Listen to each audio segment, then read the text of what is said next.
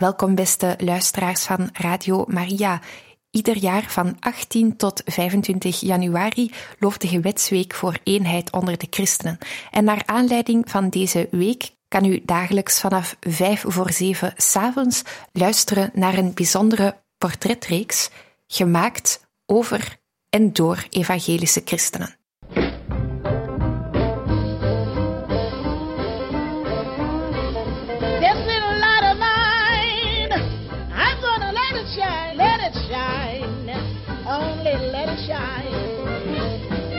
Evangelische christenen.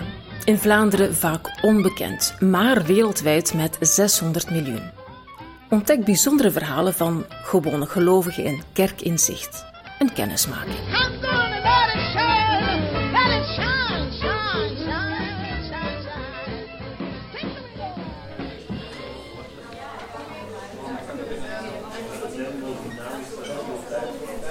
Ik ben Robin Lisa Beltman, ik ben 19 jaar. Ik studeer aan het KASK, grafisch ontwerp. Het liefst van al wil ik zelfstandig kunstenaar worden, met dan mijn eigen exposities. Alright, alright, alright. Zijn jullie klaar voor? Jullie mogen alvast gaan zitten. We zijn nu op Ichtus en het is vanavond muziekavond waarop we christelijke muziek samen maken en dus zingen en waarop we op die manier God aanbidden.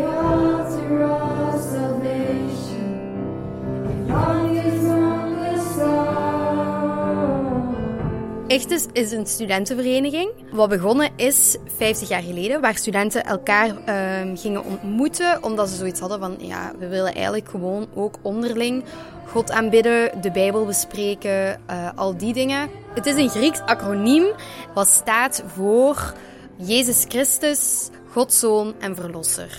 En Ichtus, studentenverenigingen over de wereld, behoren tot de koepel IFES. Onder andere Albanië, Argentinië, België, Benin, Bolivie, Bosnië, Bulgarije, Burkina Faso. Zeg, komen er ook eigenlijk eh, jonge mensen naar de evangelische kerken? We hebben toch al een paar kinderen tegengekomen in de vorige afleveringen?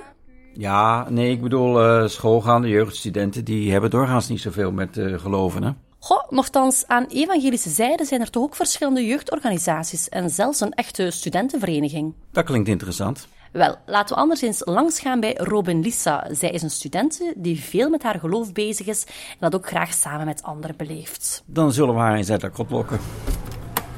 Hallo. Hallo! Daar zijn we. Hallo. Welkom. Wij mogen binnenkomen Ja, om wat vragen te tuurlijk. stellen. Tuurlijk, volg maar.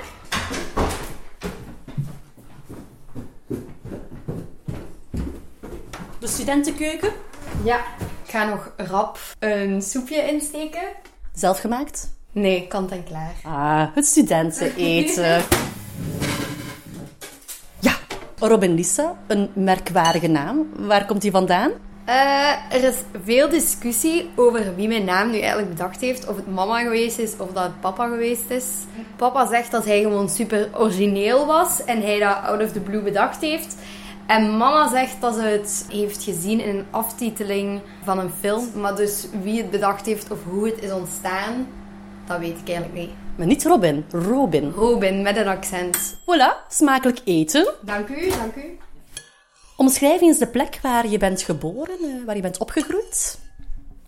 Eh, ik ben opgegroeid in Limburg in een heel klein dorpje, Kouwelil. Niemand kent dat, niemand heeft daar ooit van gehoord. Het is eigenlijk gewoon een boerengat in the middle of nowhere.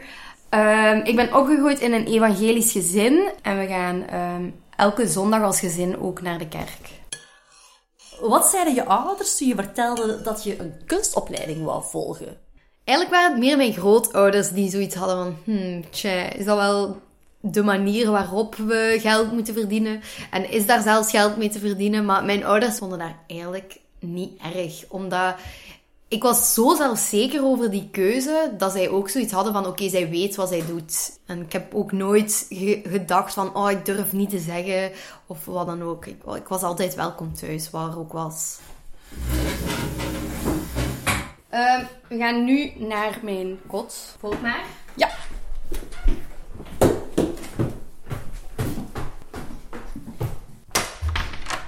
Ik heb de gewoonte om mijn afwas eigenlijk niet in de gezamenlijke keuken te doen, want die is meestal vies. Dus dan kom ik naar mijn kot om dat hier even te doen. In de lavabo. Ja. Misschien is dat nog viezer, maar ja, kijk. Uh, terwijl jij jouw afwasje doet, ga ik Don ook nog gewoon een paar vragen aan jou laten stellen. Wat is kunst eigenlijk volgens jou?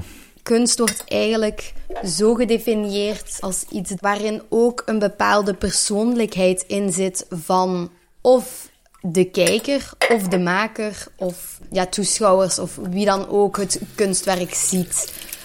De, de creatieve expressie die jij zelf hebt en als het ware tot uiting brengt door middel van een kunstmedium.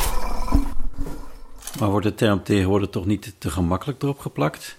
Um, ik denk niet dat de term er te gemakkelijk opgeplakt wordt. Ik denk, als we bijvoorbeeld kijken naar de kunst van vroeger, was het veel makkelijker om te definiëren wat kunst was. Had bijvoorbeeld een werk van um, ja, Michelangelo en dat was duidelijk dat dat kunst was.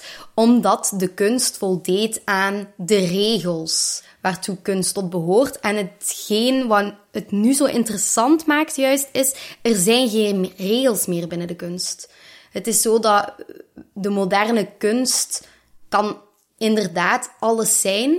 En tegelijkertijd is het super moeilijk om iets kunst te noemen. Want er zijn geen regels. En dan kunt u je de vraag stellen, wat is dan de criteria inderdaad wanneer iets kunst wordt?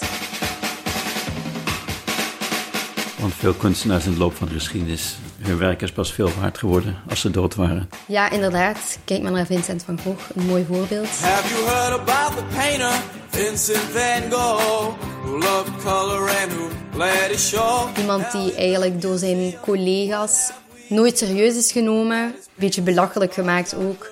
En dan nu, na zijn dood, meteen zo bekend is geworden, omdat hij eigenlijk op een heel vernieuwende manier is te werk gegaan ook. En heel anders naar de wereld keek dan dat andere tijdgenoten deden. Dus het klopt. Maar je ziet het voor jezelf wel anders. Ik heb niet als doel om, om zo'n bekend kunstenaar te worden, of dat mensen mijn naam kennen, of dat mensen mijn werk kennen. Um, het is eerder ik die mijn stempel wil drukken op de wereld, iets wil achterlaten van mezelf. En het maakt mij eigenlijk niet zoveel uit of daar erkenning voor is of niet. Het zou leuk zijn, maar het is niet de intentie die ik heb als kunstenaar. Vincent van Gogh, who we talking about? Vincent van Gogh.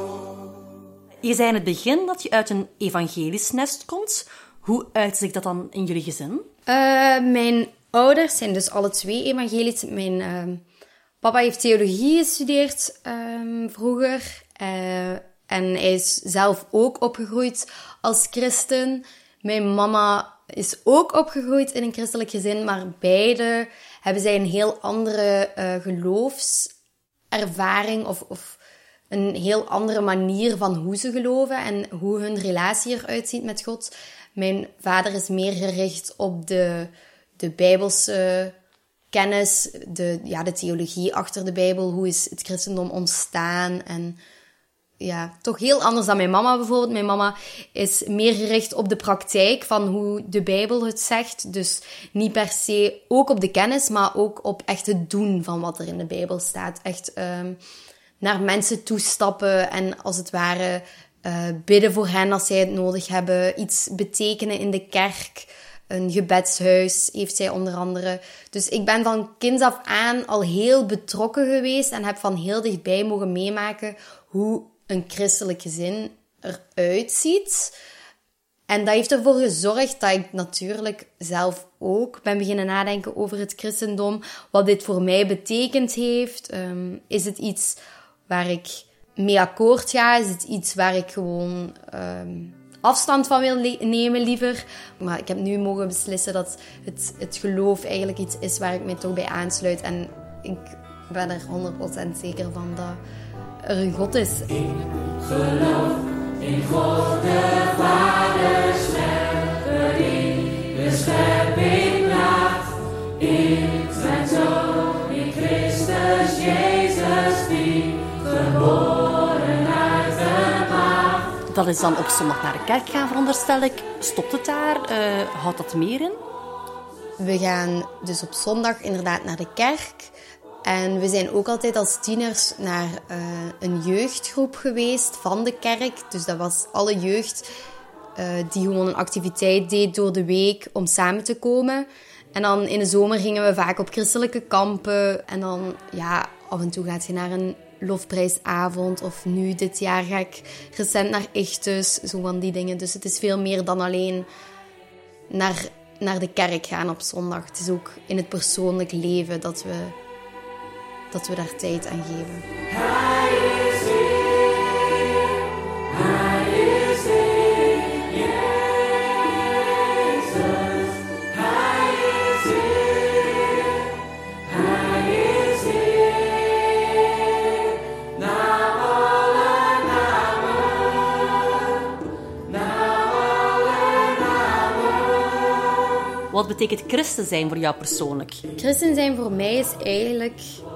heel simpel gezegd uh, wie ik ben.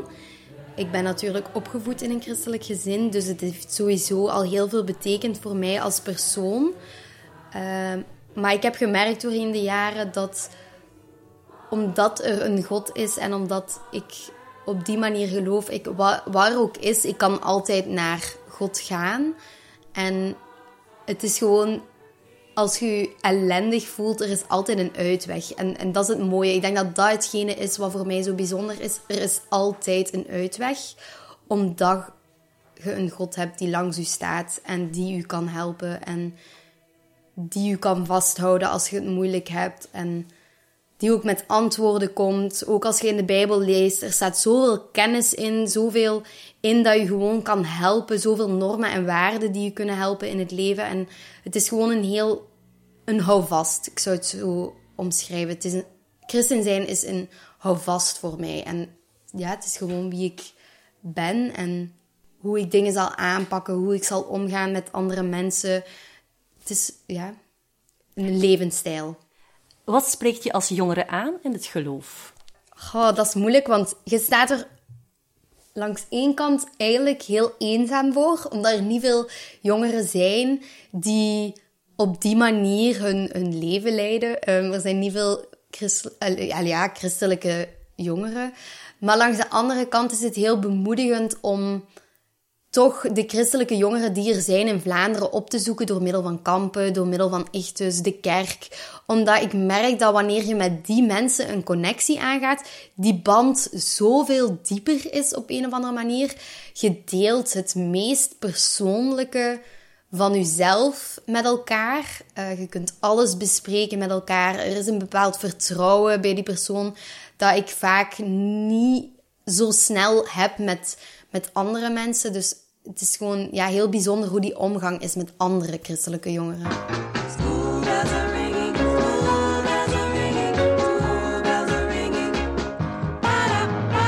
Vandaag de dag nog gelovig zijn is niet bepaald doorsnee. Vinden de studenten bij jou in de hogeschool dat niet uh, ja, wat raar soms? Ja, ze vinden dat heel raar. Uh, de meesten zijn echt van...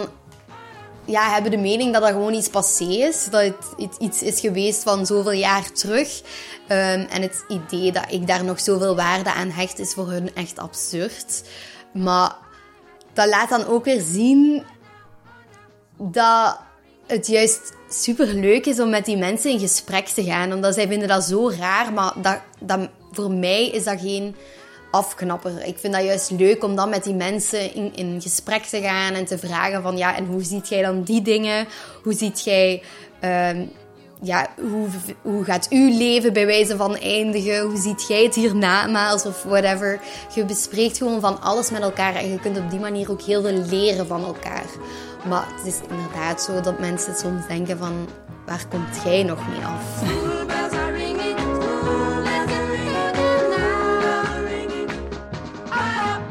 Welke rol spelen gebed en bijbellezen eigenlijk in je leven? Want dat heb je beide van thuis uit meegekregen, denk ik. Ja, inderdaad. Gebed is iets heel belangrijk. Ik denk dat ik echt veel bid. Um, bij alles waar ik een keuze moet maken of dingen waar ik het moeilijk mee heb, dan ga ik gewoon naar God en dan zeg ik: Hallo, hoe moet ik dit doen? Um, help, ik weet niet wat er gaande is. Of ik kan gewoon al mijn zorgen uiten bij hem. En ik zie dat ook als een vorm van gebed. Ehm, gewoon zeggen dat ik het moeilijk heb. En dan op die manier ehm, praat ik ook. Ik, ik, zie, ik zie gebed meer als een in gesprek gaan met God in stilte in gesprek gaan met hem en luisteren naar wat hij mij te zeggen heeft. En dat gaat bijvoorbeeld ook gepaard met het woord. Als ik even niet weet wat doen en ik sla mijn Bijbel open en ik lees die verhalen die in de Bijbel staan of de gelijkenissen die Jezus uh, ons gegeven heeft. Je haalt daar zoveel kennis uit en je kunt daar zoveel uithalen en dat geeft al zoveel antwoorden op situaties waar ik soms in zit. Dus op die manier is het gewoon vaak een, een hoe zeg je dat? Een gereedschap, gereedschapsmateriaal waarmee ik gewoon dingen kan oplossen. En hoe ik ook mijn liefde uit naar, naar God toe en naar andere mensen. En hoeveel tijd per dag vraagt dat bidden en bijbellezen dan? Nu klinkt dat zo alsof dat een opgelegde taak is om elke dag te bidden. En en Bijbel te lezen, maar ik zie het niet zo. Ik denk, soms zijn er ook echt dagen dat ik denk, oh, ik heb hier geen zin in. Of even niet. En dan probeer ik het zelf op te lossen. En dan botst je ja, tegen de lamp. Hè. En dan, ja, zo'n dingen gebeuren ook. Maar ik zie het niet, ik zou het niet verwoorden als ik doe dit elke dag en zoveel uur steek ik hierin. Het is iets wat natuurlijk gaat. Um, ja, waar ik zelf gewoon tijd aan geef op, op mijn manier. Misschien ook vragen, wat is dan volgens jou een christen? Iemand die gelooft dat Jezus Christus is gestorven voor de mensen om ons op die manier te redden en die dood ook overwonnen heeft.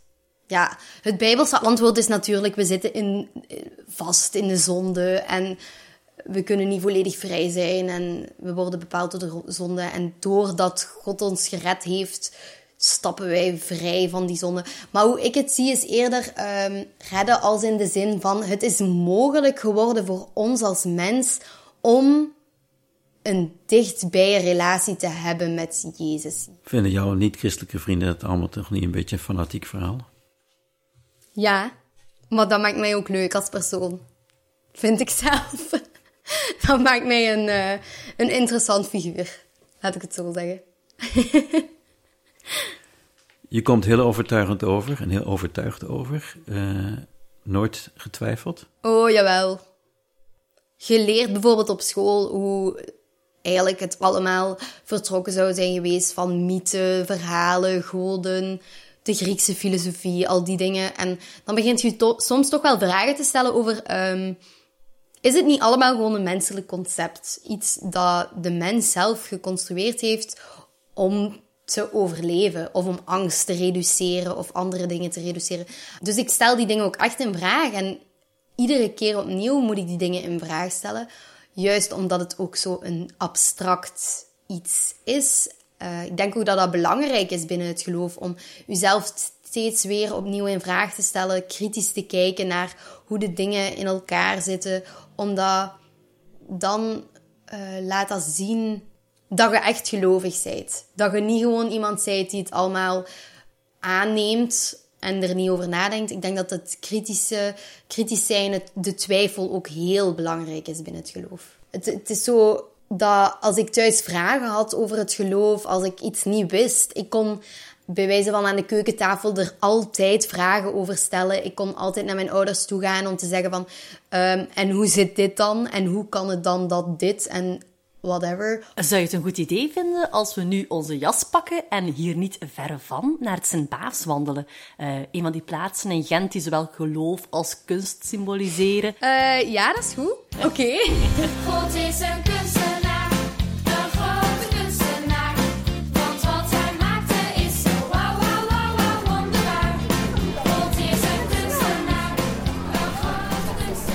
Zeg je dat we naar links moeten?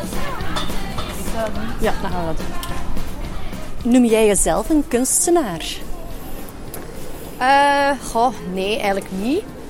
Ik zie mijzelf eerder als uh, iemand die een poging doet tot. en eigenlijk uh, mij gewoon probeert te vermaken met, met de dingen die ik kan doen, wil doen. Maar ik zie mij niet, mezelf absoluut niet als, als een, een wereldsgrote of kleine zelfs kunstenaar. Nee. En God, is hij dan de kunstenaar, volgens jou? Ik denk het wel. Ik denk dat hij de enige was die echt origineel was, of kon zijn zelfs. Ehm, volledig vernieuwend zijn, los van al bestaande concepten. Ehm, dat gaat volgens mij niet. En de enige die dat wel kon was God.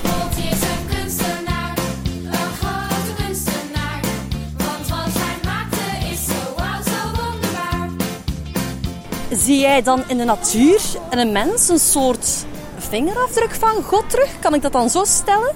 Vaak spreken we in de kunst ook over het sublieme. Een ervaring die op u afkomt en die je niet kunt vatten, niet onder controle kunt hebben, omdat het zo overweldigend mooi en groot is. En ik denk dat ja, dat dat ook weer gewoon een resultaat is van, van, van de schepping die God heeft gemaakt. Die dingen die God heeft gemaakt en zijn schoonheid erin heeft gelegd. Kunst heeft heel vaak in het teken gestaan van geloof, van kerk en dergelijke. Eh, kun je daar misschien iets over zeggen? Kunst is, is eerder eerst een medium geweest om eh, bijbelse verhalen te kunnen vertalen. Om te laten zien van zo ziet de Bijbel eruit. Eh, omdat natuurlijk er waren heel veel analfabeten. Dus dat was een manier voor hun om eh, die bijbelverhalen toch te kunnen begrijpen en, en verstaan.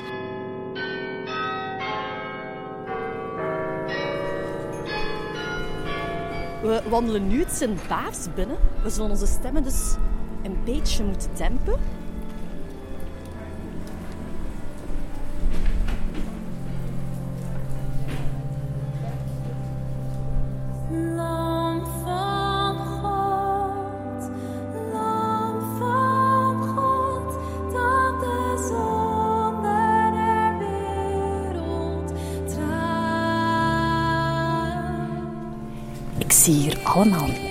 Rondlopen en rondkijken naar de schilderijen, de beeldhouwwerken, eh, de glas- en loodramen hier. Velen zijn er misschien gewoon als toerist, waarschijnlijk is dat ook zo. Maar misschien zijn er ook anderen die zoeken naar iets diepers, een, religieuze dimensie.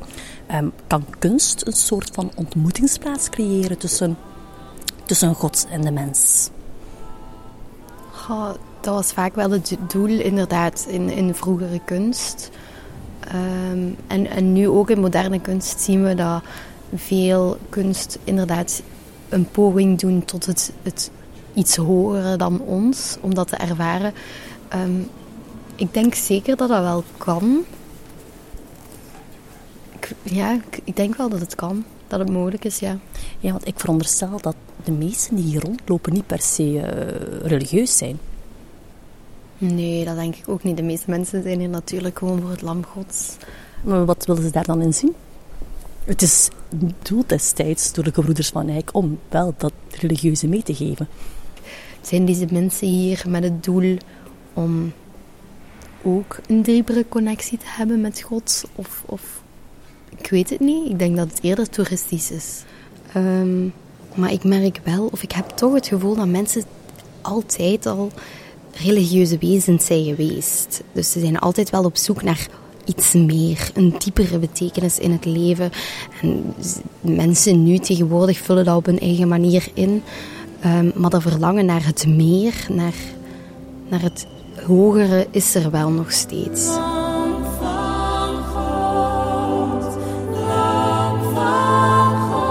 Wat ik wilde vragen, we staan hier voor het Lam Gods van de gebroeders van Eyck. Is dat een, een kunstwerk dat je zelf raakt of inspireert? Of Eh, de gebroeders van Eyck waren natuurlijk stonden bekend voor hun hyperrealisme. Eh, Jan van Eyck was iemand van zijn tijd die enorm goed wist wat hij deed. En hij was eerst kunstenaar die ehm, op miniatuur gewerkt heeft voor kleine boekjes. Dus hij wist heel goed hoe hij dingen zo eh, helder moest, moest naar voren brengen. Dus op dat vlak eh, inspireert het mij wel enorm hoe dat mensen vroeger zo eh, konden bezig zijn met één ding. Ik denk dat tegenwoordig het allemaal veel te snel, veel te veel tijd en moeite vraagt. En in zo'n werk ziet je van, nee, dat was echt een, een, een passie van deze mensen. En, en het feit dat hier zoveel geduld in gestopt is geweest, zoveel tijd, zoveel geld ook, is, is bijzonder gewoon om te zien. Het was eigenlijk een opdracht van een koppel die geen kinderen kon krijgen. ehm, om, om, hebben eigenlijk heel een fortuin in het werk gestoken en gezegd: Oké, gebroeders van Eyck, maak maar eens gewoon een schilderij. ehm, met, met zo'n religieus thema, omdat ze op die manier hadden gehoopt eh, de hemel te kunnen bereiken.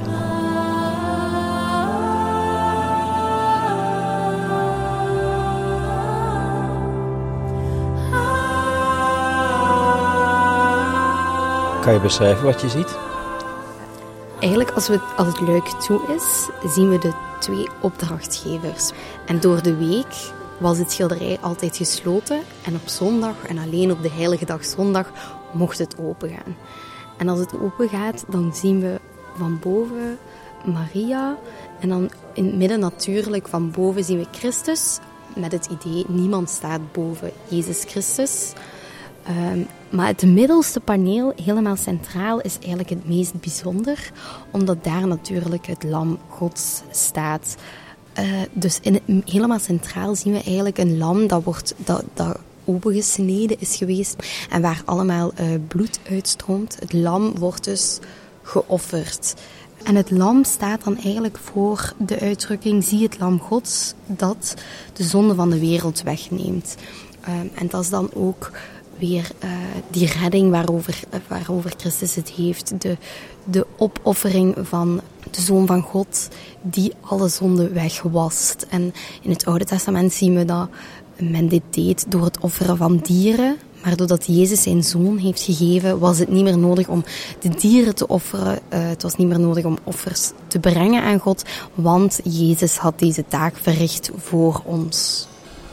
Toevallig een lam als dier? Dat was het dier dat, dat gewoon het meest gemakkelijk was om eh, te offeren. En wat zich eigenlijk ehm, gewoon gaf, zichzelf overleverde aan, aan, ja, aan degene die het dier zou slachten. Ehm, het was niet moeilijk om het dier te vangen of wat dan ook. Ehm, en dat, dat weerspiegelt dan ook weer wat Jezus heeft gedaan. Hij heeft dit ook gewoon op vrijwillige basis gedaan. Hij heeft dit niet gedaan omdat hij gevangen werd of zo. Hij heeft het gedaan omdat hij dit zelf wou en ook op die manier zich overleverde aan de mensen, aan God.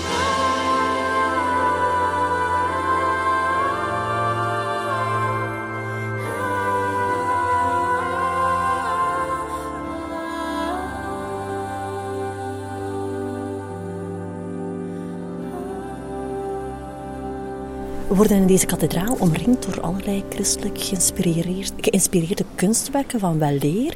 Hoe is het eigenlijk om vandaag de dag nog christen te zijn in de kunstwereld? Is daar ruimte voor? Ik denk dat ehm, in de kunstwereld eigenlijk alles mogelijk is. Er is heel veel ruimte voor, voor de meest absurde ideeën. Maar één keer wanneer ehm, het geloof valt en wanneer de naam Christus valt, ehm, klappen mensen dicht. En dat is iets absurd, dat is passé, daar moeten we niet meer op, op focussen. Ehm, zo heb ik ooit een project gemaakt wat ging omtrent het geloof en mijn persoonlijke geloofsleven.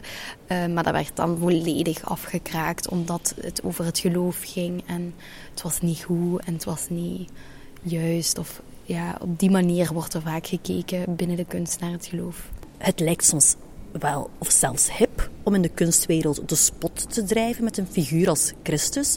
Hoe ervaar jij dat? Ja, het, het, het belachelijk maken van waar we vandaan komen eigenlijk. Hè? Het, het belachelijk maken van iets wat toch zoveel waarde heeft gehecht. Of dat is iets wat sowieso graag gedaan wordt in de kunst. Dingen die, die belangrijk zijn of waar, die eigenlijk taboe zijn, juist die aanhalen. Omdat dat een, een schok-effect creëert. Dat, dat verbaast mensen. Dat mag eigenlijk niet. Zo, die die eh, attitude heerst er inderdaad. En dat merk je ook zeker ik als student nu, dat merk ik ook. Voelt jouw leven dan soms niet gesplitst aan? Enerzijds ben je de christen, maar anderzijds ook de kunstenaar, waar dan weinig ruimte is voor iets christelijks te brengen? Uh, ik denk sowieso als je christen bent, of het nu is in de kunstwereld of in het gewone dagelijkse leven, je zult altijd kritiek hebben. Ik zou niet zeggen dat het gespleten aanvoelt. Ik zou het eerder zien als, als een iets moeilijkere uitdaging, maar iets wat ik er graag bij neem. Heb je geen schrik om bekend te staan als de gekke gelovige? Oh, jawel. Jawel, jawel. Maar, pff, kijk, ik vraag me altijd af, wat mag het u kosten? Het heeft Jezus alles gekost. Wat mag het u kosten? En als dat is wat ik erbij moet nemen, dan is dat hetgeen wat ik erbij moet nemen.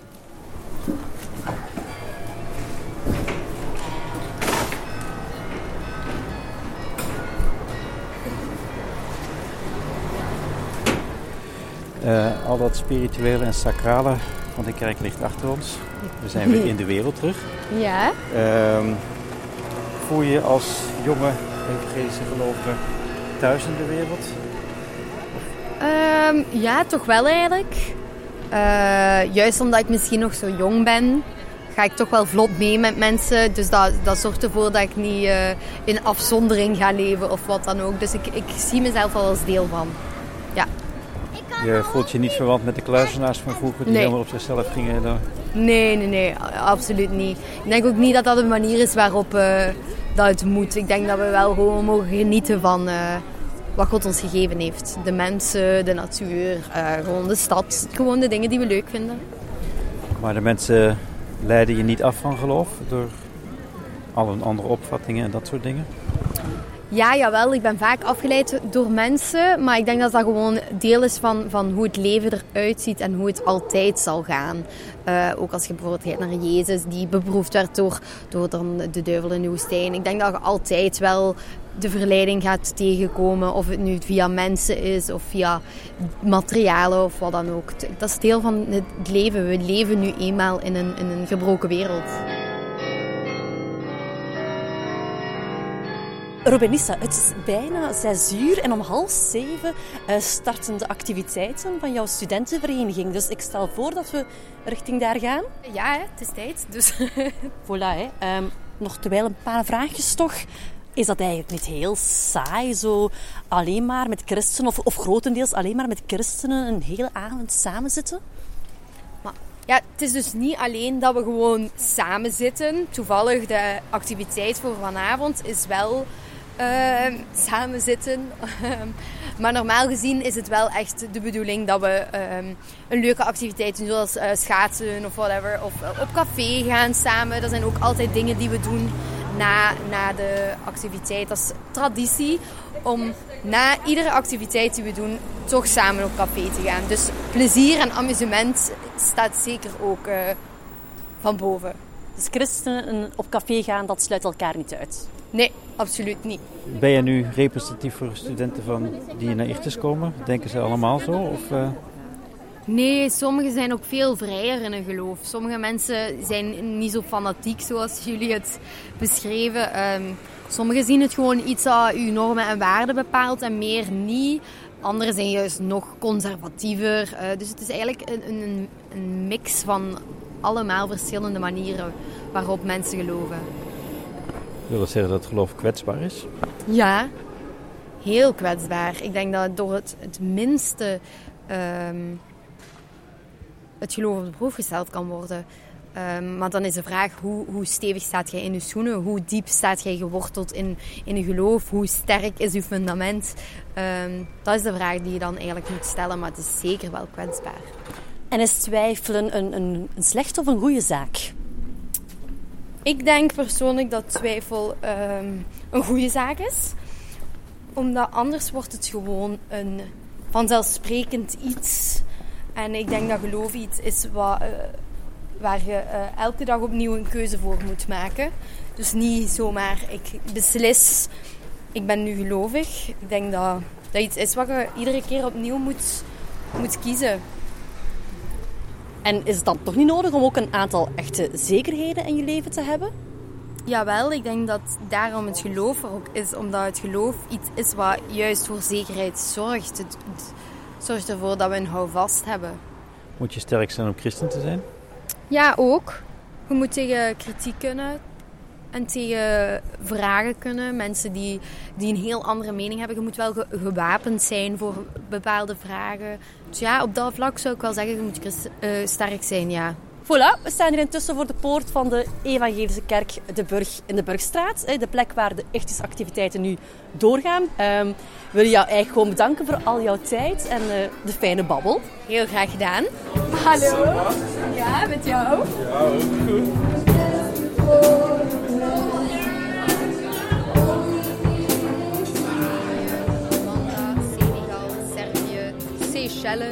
Slowakije, Spanje, Togo, Tjaad, Tsjechië, Turkije, Uruguay, Venezuela, Zweden, Zwitserland. I said, this little light of mine, I've got to let it shine, shine, shine, shine. This little light of mine, I'm gonna let it shine. I'm